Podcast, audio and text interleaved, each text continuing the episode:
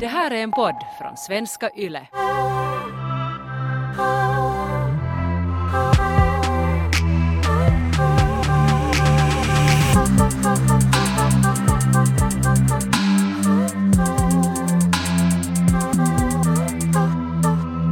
Tycker du att det är lättare att vara modig när du är i ett förhållande i motsats till när du är singel?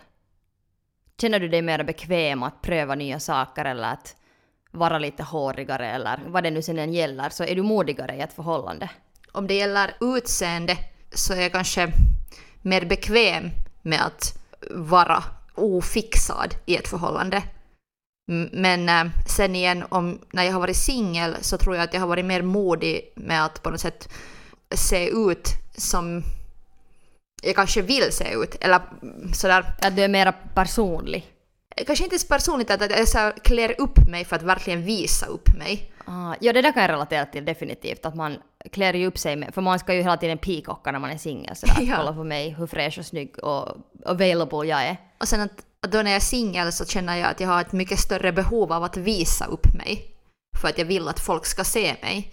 Att jag, när jag var singel tog jag mycket mer bilder till Instagram, jag eh, klädde upp mig mer till fester. Och det är, egentligen, det är ganska synd att jag inte gör sånt i förhållande.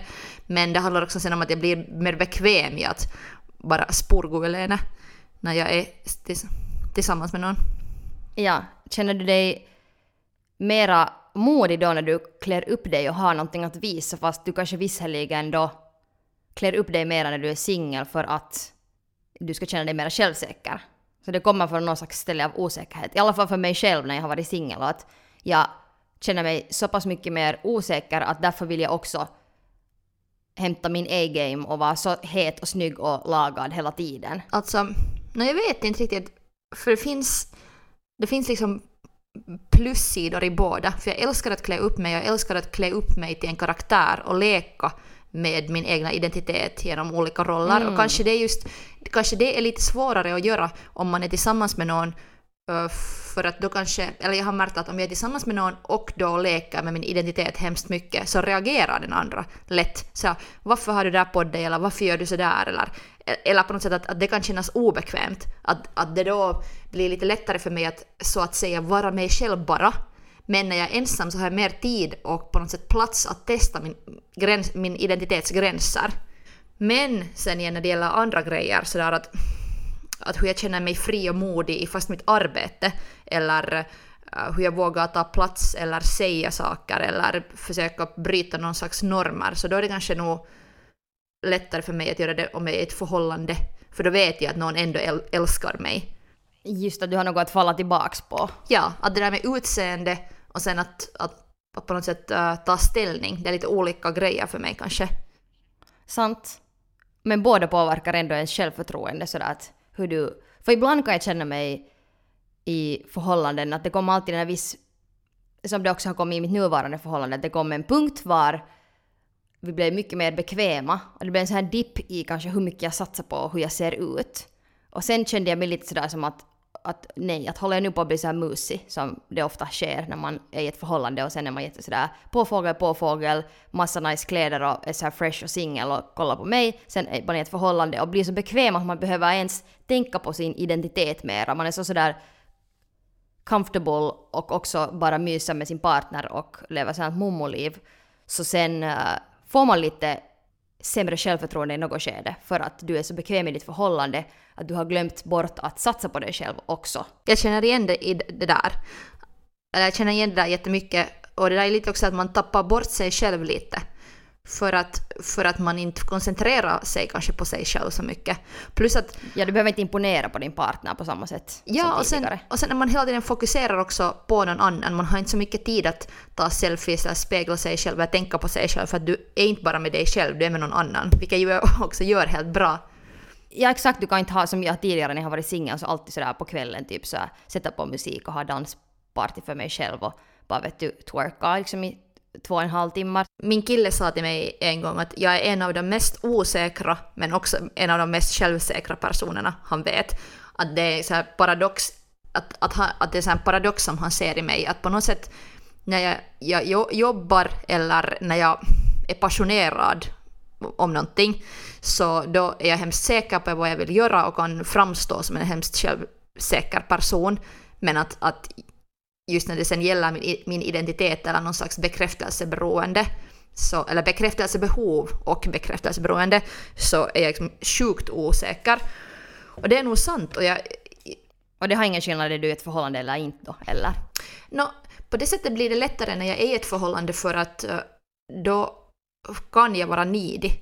Alltså att när jag är med någon som jag vet att älskar mig så skäms jag inte över hur nidig jag är. Jag vet att jag kan vara en jättetung flickvän och en jättestörande flickvän för att jag är så osäker och att jag kräver så mycket bekräftelse och kräver så mycket uppmärksamhet. Liksom skäms inte över det på samma sätt som jag gör när jag är singel. För då, då känns det mer så att okej, okay, att jag är i ett förhållande, att det här är vad jag behöver att det här är verkligen någonting jag behöver, så därför vill jag ha det och jag måste få det. Och det är liksom min rätt i ett förhållande att få uppmärksamhet och bekräftelse. Men sen om jag är, är singel så då blir jag hemskt osäker för att jag på något sätt inte har lärt mig ännu att, att vara nöjd med mig själv utan att den där bekräftelsen kommer utifrån. Men det har jag också märkt eh, både i förhållande och singel, så om jag har, vilket jag har haft jätteofta, människor omkring mig som är lite så kritiska. Är det sen att att någon kompis måste kommentera att du har ett rosk mellan tanden, men gör det på ett sånt sätt som inte sådär att hej, du har ett rosk där i tanden, utan det är sådär att eh, du har ett rosk, du ser så dum ut! Och gör det sån här massiv grej så att det blir så super, super obekvämt och på något vis sådär att, att kompisar och familjemedlemmar som vill just på något vis att ah, vad har du på dig? På något vis såhär, vad det nu sen är, det behöver inte bara gälla hela utseende, men på något vis såhär smått kritiserande eller när man testar en ny stil så är det så att ah, vad, vad är det här för grej nu? Att, vad, vad försöker du vara? Så jag har också insett det här i något skede att det finns ett mönster där med människor som jag upplever att kan vara sådär kritiska på ett irriterande sätt. Och sen har jag lite försökt kanske undvika sådana typer. Och det har haft en positiv effekt. för, att, okay.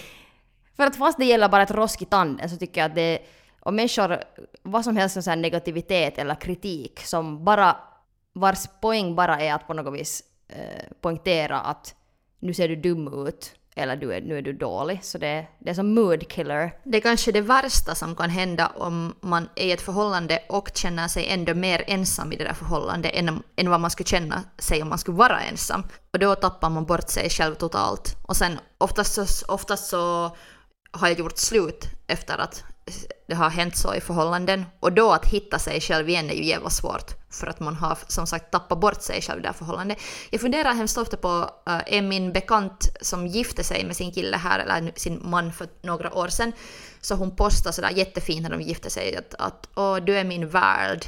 Och på något sätt att jag ser, och sen jag minns inte riktigt hur hon uttryckte det men sådär att eftersom hon ser honom hela tiden och hon är med honom hela tiden så symboliserar han världen för henne. Och så är det ju, alltså att med den partner man är, man ser ju den mera än man ser sig själv, hoppas jag då. Mm. om, man, om man då inte sitter med sin telefon i handen och tar en massa selfies samtidigt som man hänger med den killen, eller sin partner. Men, eh, men just sådär att det är ju lätt att glömma bort sig själv också då om man hela tiden ser den andra och tänker att, att det här är nu min värld, det här är allt, allt som finns. Och sen just om den världen blir mindre och mindre så då tycker jag att, att det, det kan lätt bli så att man blir mer osäker i ett förhållande för att man, man då speglar man sig i den andra personen så mycket att man glömmer bort sig själv och på något sätt hela tiden behöver den andra för att kunna göra någonting, för att kunna veta överhuvudtaget att man finns eller på något sätt vad som är verkligt. Och då är det ju svårt att våga göra någonting. I min erfarenhet har det där, den, just det varit sådana förhållanden var min värld har blivit jätteliten allt som har betytt någonting har varit den här personen. Och det har liksom nästan blivit så att vi kan inte liksom leva med resten av världen för att han, han har inte kunnat då liksom vara en normal människa som välkomnar människor in i sitt liv och är empatisk och så här. Så på något vis där så har jag blivit så otroligt osäker. När du inte egentligen har någon kontakt med sådär utvärlden så det, det, det kan kännas ganska tungt. Jag har både varit den där flickvännen och eh, som har liksom uh, minska någons värld och så har jag också upplevt att någon förminskar min värld.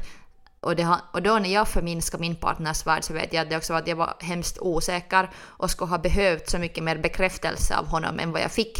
Jag skulle ha behövt mycket mer hans tid och jag skulle vilja göra mycket mer grejer tillsammans. Men det blev just det där att, att, att ju mer jag försökte hålla fast i honom och ju mer jag försökte göra saker på tumis så desto mer fick han ångest och så att tog distans från mig och ville göra saker med sina kompisar och sådär. Och det kändes nog också jättejobbigt och jag har funderat på det nu senare i mitt liv för att sen i senare förhållanden så har jag varit, så har det varit mer tvärtom. Har jag upplevt. Men så minns jag just att, att då skulle jag ha känt ett behov av trygghet, att någon annan människa skulle ha skapat den här tryggheten runt mig, för att allt kändes så otryggt. Och sen när det inte hände så blev jag mer bara liksom osäker hela tiden för att det kändes just så att den andra människan som jag försökte spegla mig genom bara försvann. Om det finns jättemycket osäkerhet som leder till possessivitet och olika sådana negativa beteenden så då vet man nog att det inte fungerar. Nå, hur är det då med kroppsbehåring och om du är singel så rakar du dina ben, fixar du dig eller kan du då vara hårig? Jag tror att det är egentligen först i det här förhållandet jag är nu i som jag har låtit mig själv vara hårig. Överhuvudtaget ja. Under de här senaste åren kan det nog hända att jag, jag ändå ska våga vara hårig. Men det är ju lätt att säga för att jag har varit i ett tryggt förhållande och min kille jag har talat jättemycket om hår. Att han har också kritiserat mina hår lite på skämt. Och sen har jag varit så här, hej, att du har också hår. Och vi har liksom talat hemskt mycket om det. Så, så jag skulle vilja tro att jag ska, jag ska kunna vara helt så här, hur hårig som helst även om jag skulle vara singel. Men det kan nog hända att, att jag känner frihet där bara för att jag är i ett förhållande. Du då? Eller alltså om jag tänker så här, om min taktik som singel är att jag ska få någon hem med mig och om jag då vill ha en kille. Om jag har en tjej så då, då är det ingen skillnad. Om jag vill ha en tjej så helt samma. Men om jag vill ha hem en cis hetero-kille så nog i den situationen så är det nog jätteviktigt för mig att mina ben skulle vara shavade och jag skulle vara groomad och annars också fräsch, fixad vad gäller utseende. Alltså om du skulle vara singel då eller? Ja, att få, för att få alltså någon att vilja knulla dig, om, vi, om det handlar bara om det. Eller jag har i alla fall alltid haft jättesådär, ändå den där utseendepressen är väldigt stor. Men i ett förhållande, eller nu, så nu kan jag ju ha håriga ben men det är någonting jag gärna undviker ändå. Men det är bara för mig själv. Min kille bryr sig inte men det är bara för mig själv. Men vi hade ju faktiskt en, en lyssnare som skrev till oss efter att vi då för några avsnitt sen snackade om kroppsbehåring och snackade om den här bloggaren Jenny Populandias bilder där hon kom ut med sina håriga ben. Och det var det en av våra lyssnare som skrev jättebra till oss att hej, intressant avsnitt men att, att ofta när, ofta när sådär empowered kvinnor skriver om någon kroppsaktivism eller om att, att låta håren växa så är det människor som är i förhållanden. Att det, mm. att det är mycket svårare att vara modig om man är singel. Och det var en jättebra poäng för att jag började fundera sen att nästan alla såna aktivister som är hemskt modiga med, med sitt utseende som jag känner personligen så är i förhållanden. Det är ganska självklart. Eller sådär att, Men varför är det det? Just det här till exempel att vara hårig och vilja förföra någon som du inte känner. Så kanske du tänker att no, om jag nu har håriga ben så just den här killen då så kanske det förminskar mina chanser att han vill ha mig. Att man, har, man är medveten om det att du måste göra dina chanser så bra som möjligt. Att du alltid är sådär on your best behavior. Att du är alltid den bästa versionen av dig själv för den som du ska träffa. En ny människa. Ett, som du ska lämna ett nytt intryck på. Medan sen när du är i ett förhållande så då känner ju den där människan dig så då är det inte så sådär på något vis. Då är det lättare bara att vara. Men just sådär att, att göra ett nytt intryck på någon så det är ju ändå då har man ju alla de där stereotyperna, alla de där liksom på något vis mest primitiva kriterierna kanske. Och det är så synd att det ska vara så, men just sådär om jag funderar på alla filmer och tv-serier också sett, så när, man, när en människa, är det sen en man eller en kvinna, förbereder sig för en viktig dejt så hör det till en massa grooming, att man fixar sig så fräsch och på något sätt så, så, så snygg som möjligt. Det finns så många filmer där någon, just någon nörd-tjej eller någon lite konstig tjej fixas till en babe. Och då är just sådär ja. raka bort håren, fixa ögonbrynen, man får uh, linser istället för brillor, raka håret ja. om man har haft lockigt hår. liksom. Mm. Att det är därifrån nog som, som jag på något sätt också har lärt mig ja, att vad grooming betyder, att hur man ska vara, att man ska vara fräsch. Jag snackade just med en kompis som, som sa att, att uh, hennes kompisar i Los Angeles skulle säkert tycka att vi i Finland, liksom, vi, många finska tjejer är ganska ovårdade för att vi fixar oss så lite jämfört med dem. Och just Ah. minns jag att Lykke Li sa i någon intervju att hennes före detta man sa alltid att hon doftar som en europé. att, att hon på något sätt inte doftar amerikanskt utan hon doftar som en europé och det handlar kanske också om någon slags, någon slags gro- grooming och hurdana produkter... Alltså hur mycket tvål man använder och så här bleka, eller så här, vet du, använder man gurgla med något blekningsmedel eller liksom. Ja, jag vet inte riktigt vad det betyder, men jag blev och funderade på det. Att, att jag tror att, eller i Amerika finns det också en sån här, att man älskar uh, en viss sorts extrem renhet. Och att, att så här perfekta vita tänder och... Ja, så kemikalisk renhet. Ja, och sen också här liksom, perfekta vita tänder, perfekta ögonbryn, perfekt ohårighet. Att det är ju sån här liksom, kommersiell Ja. successskönhet. Att du, du, är lyckad mäns- du är en lyckad människa om du har perfekta tänder och så här million dollar smile. Jag har nog känt mig också jätteempowered som singel, men det har ofta varit som en motreaktion till mina ex eller, eller någonting som jag har tänkt på, någonting som, jag, som har känts dåligt. Så sen har jag just kunnat vara jätte sådär sexuellt befriad eller på något vis mera kanske komma ut med mera vågade statements om min, mitt förflutna eller att jag har talat öppet om vissa saker som jag har gått igenom, som till exempel våldsamma expojkvänner och allt sånt här. Så då har jag nog känt mig empowered, men det har varit lite kanske mera en sån slags empowerment som kommer också från ett så här, överlevnadsinstinkt. Mm. Jag vet vad du menar. Och, Men det är också ett sätt att få power.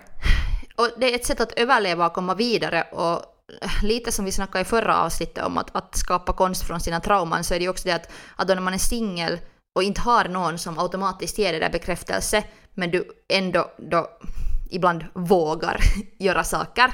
Så då blir det kanske sen också en större känsla om du... Eller hur ska jag säga?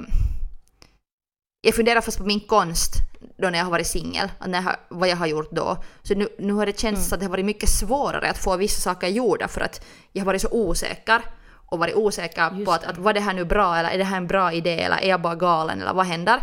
Att det är lättare att på något sätt få den där bekräftelsen av att, att, att du- är okej fast du ska ha nu gjort något konstigt eller du ska ha gjort en Just det.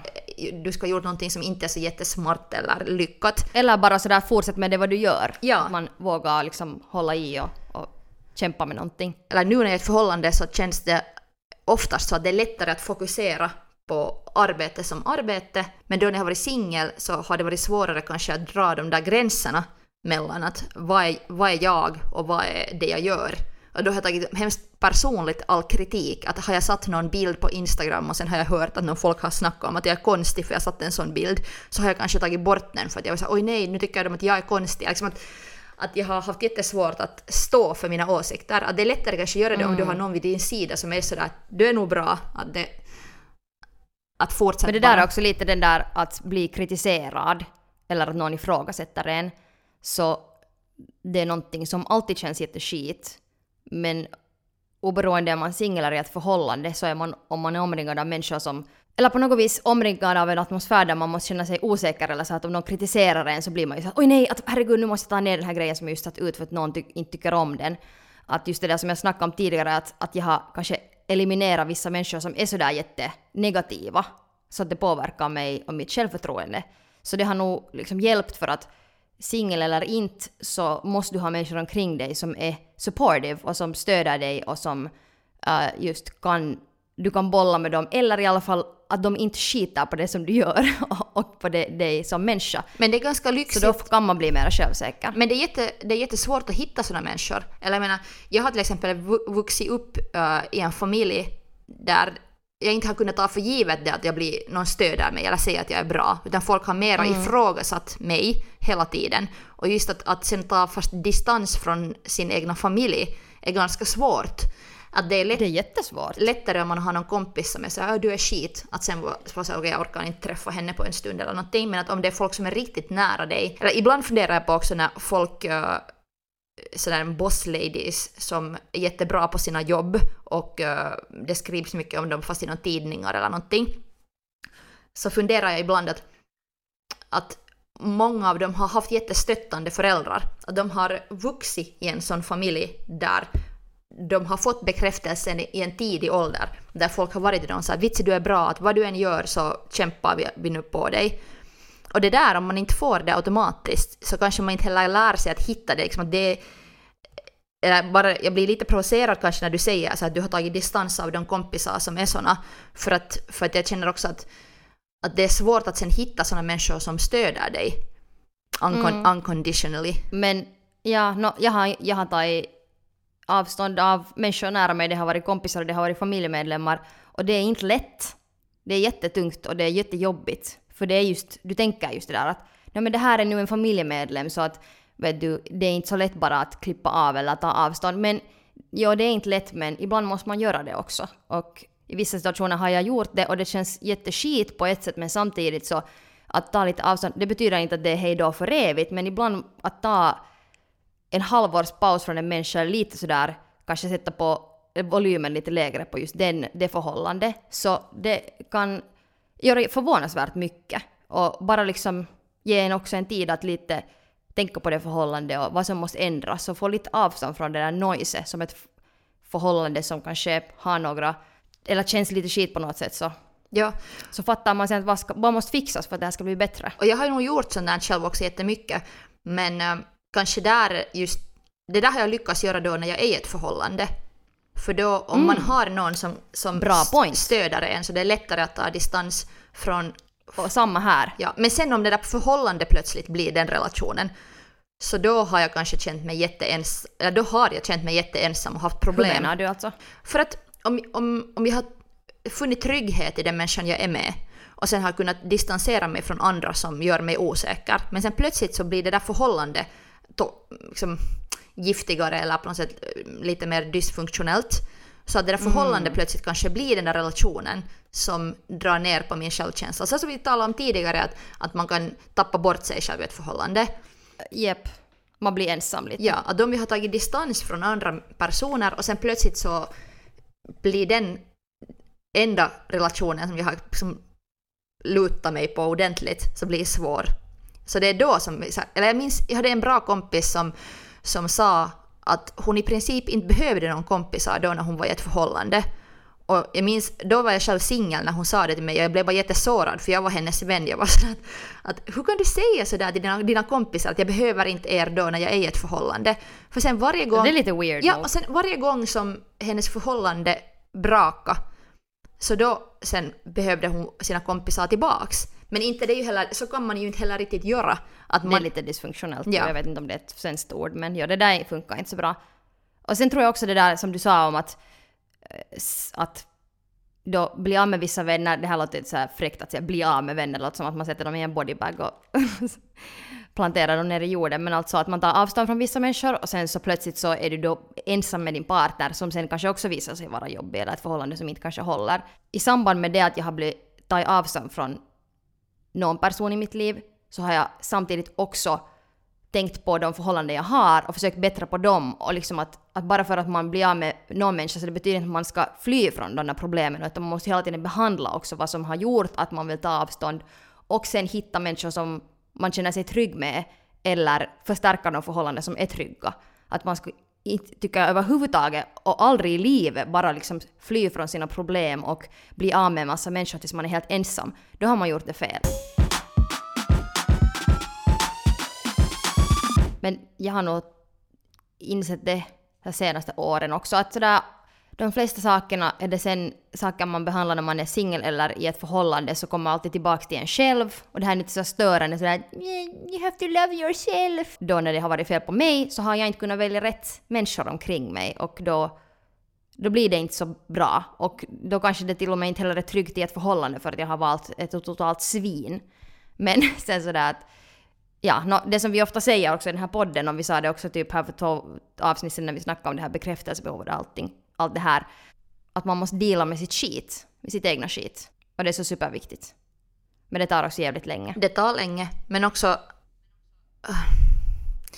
Och man kan inte göra det ensam, man måste göra det med sina med kompisar eller med så här, någon, någon måste ha någon, någon att stödja en genom den processen. Jag tror att det är jätteviktigt. Ja, kanske just det att, att ingen människa klarar sig ensam helt. Nej. Eller man kan såklart, det finns olika typer i det att, att många människor tycker om att vara mer ensamma än andra, så introvert och extrovert, liksom, det är ju real things. Men varje gång jag nog förlorar någon så måste jag hitta någon ny. Och nu menar jag inte sådär att, att om jag gör slut med en pojkvän så måste jag genast hitta en ny, men om jag förlorar en människa i mitt liv så behöver jag nog en till människa där. att, är, är det sen en... Att, att tar jag distans från en familjemedlem så kanske jag har mer tid för mitt förhållande eller, eller då försöker jag hitta en ny vän eller låter jag någon gamla giftiga vänskaper så här, försvinna så behöver jag nog nya vänner. Att, ja. att på något sätt... Jag, jag vet inte om jag någonsin kommer att bli så stark men jag har i alla fall insett det att, att jag är en sån typ som behöver andra för att kunna spegla mig själv. Att jag är så osäker. Att jag behöver andra människor i mitt liv för att på något sätt veta vem jag är och i hurdan värld jag lever. Och Men jag håller med där, för att dina närmaste speglar vem du är. Du väljer sådana människor som är lite som du i olika format. Du väljer ju människor som är som dig. Så jag tycker det är inte hälsosamt och normalt att man speglar sig i andra. Mm. Bara man inte, bara man inte heller just hänger på sina vänner eller att det blir det där liksom att ni måste fixa mig, ni måste rädda mitt liv eller min partner måste lyfta upp mig utan du måste lyfta upp dig själv. Japp. Och kanske just det där som vår lys lyssnare skrev att, att det är lättare att shava benen om man ska ha en one night stand för att då behöver man liksom inte tänka på det. Så just att om man är singel och uh, lär känna folk så det är ju lättare att först visa en viss version av sig själv än sky skyddad. Att jag har kanske också någon gång haft problem med det att jag har varit för intens när det gäller att, att lära känna människor. Jag har så kastat mig på någon och varit såhär det här är jag, det här är alla, alla shades of me. Och, och, och det känns så skönt att man kan göra sånt i ett förhållande. Men, men just sådär, jag har betett mig jättekonstigt om, om jag har liksom gjort så när jag har varit singel. Att då känns det nog, mm. då när jag inte har varit i förhållande så känns det mer att jag har kanske överallt har försökt spela en drömversion av mig själv mer. Och det kanske jag lite saknar. Ja, för det, det är roligt att larpa någon slags någonting. Bara det där stunden före det första intrycket så är du ganska fri.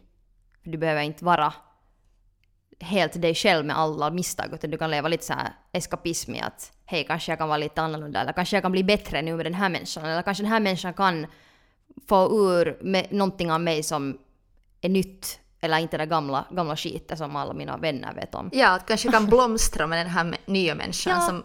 Och jag tycker det är rätt inställning. Japp.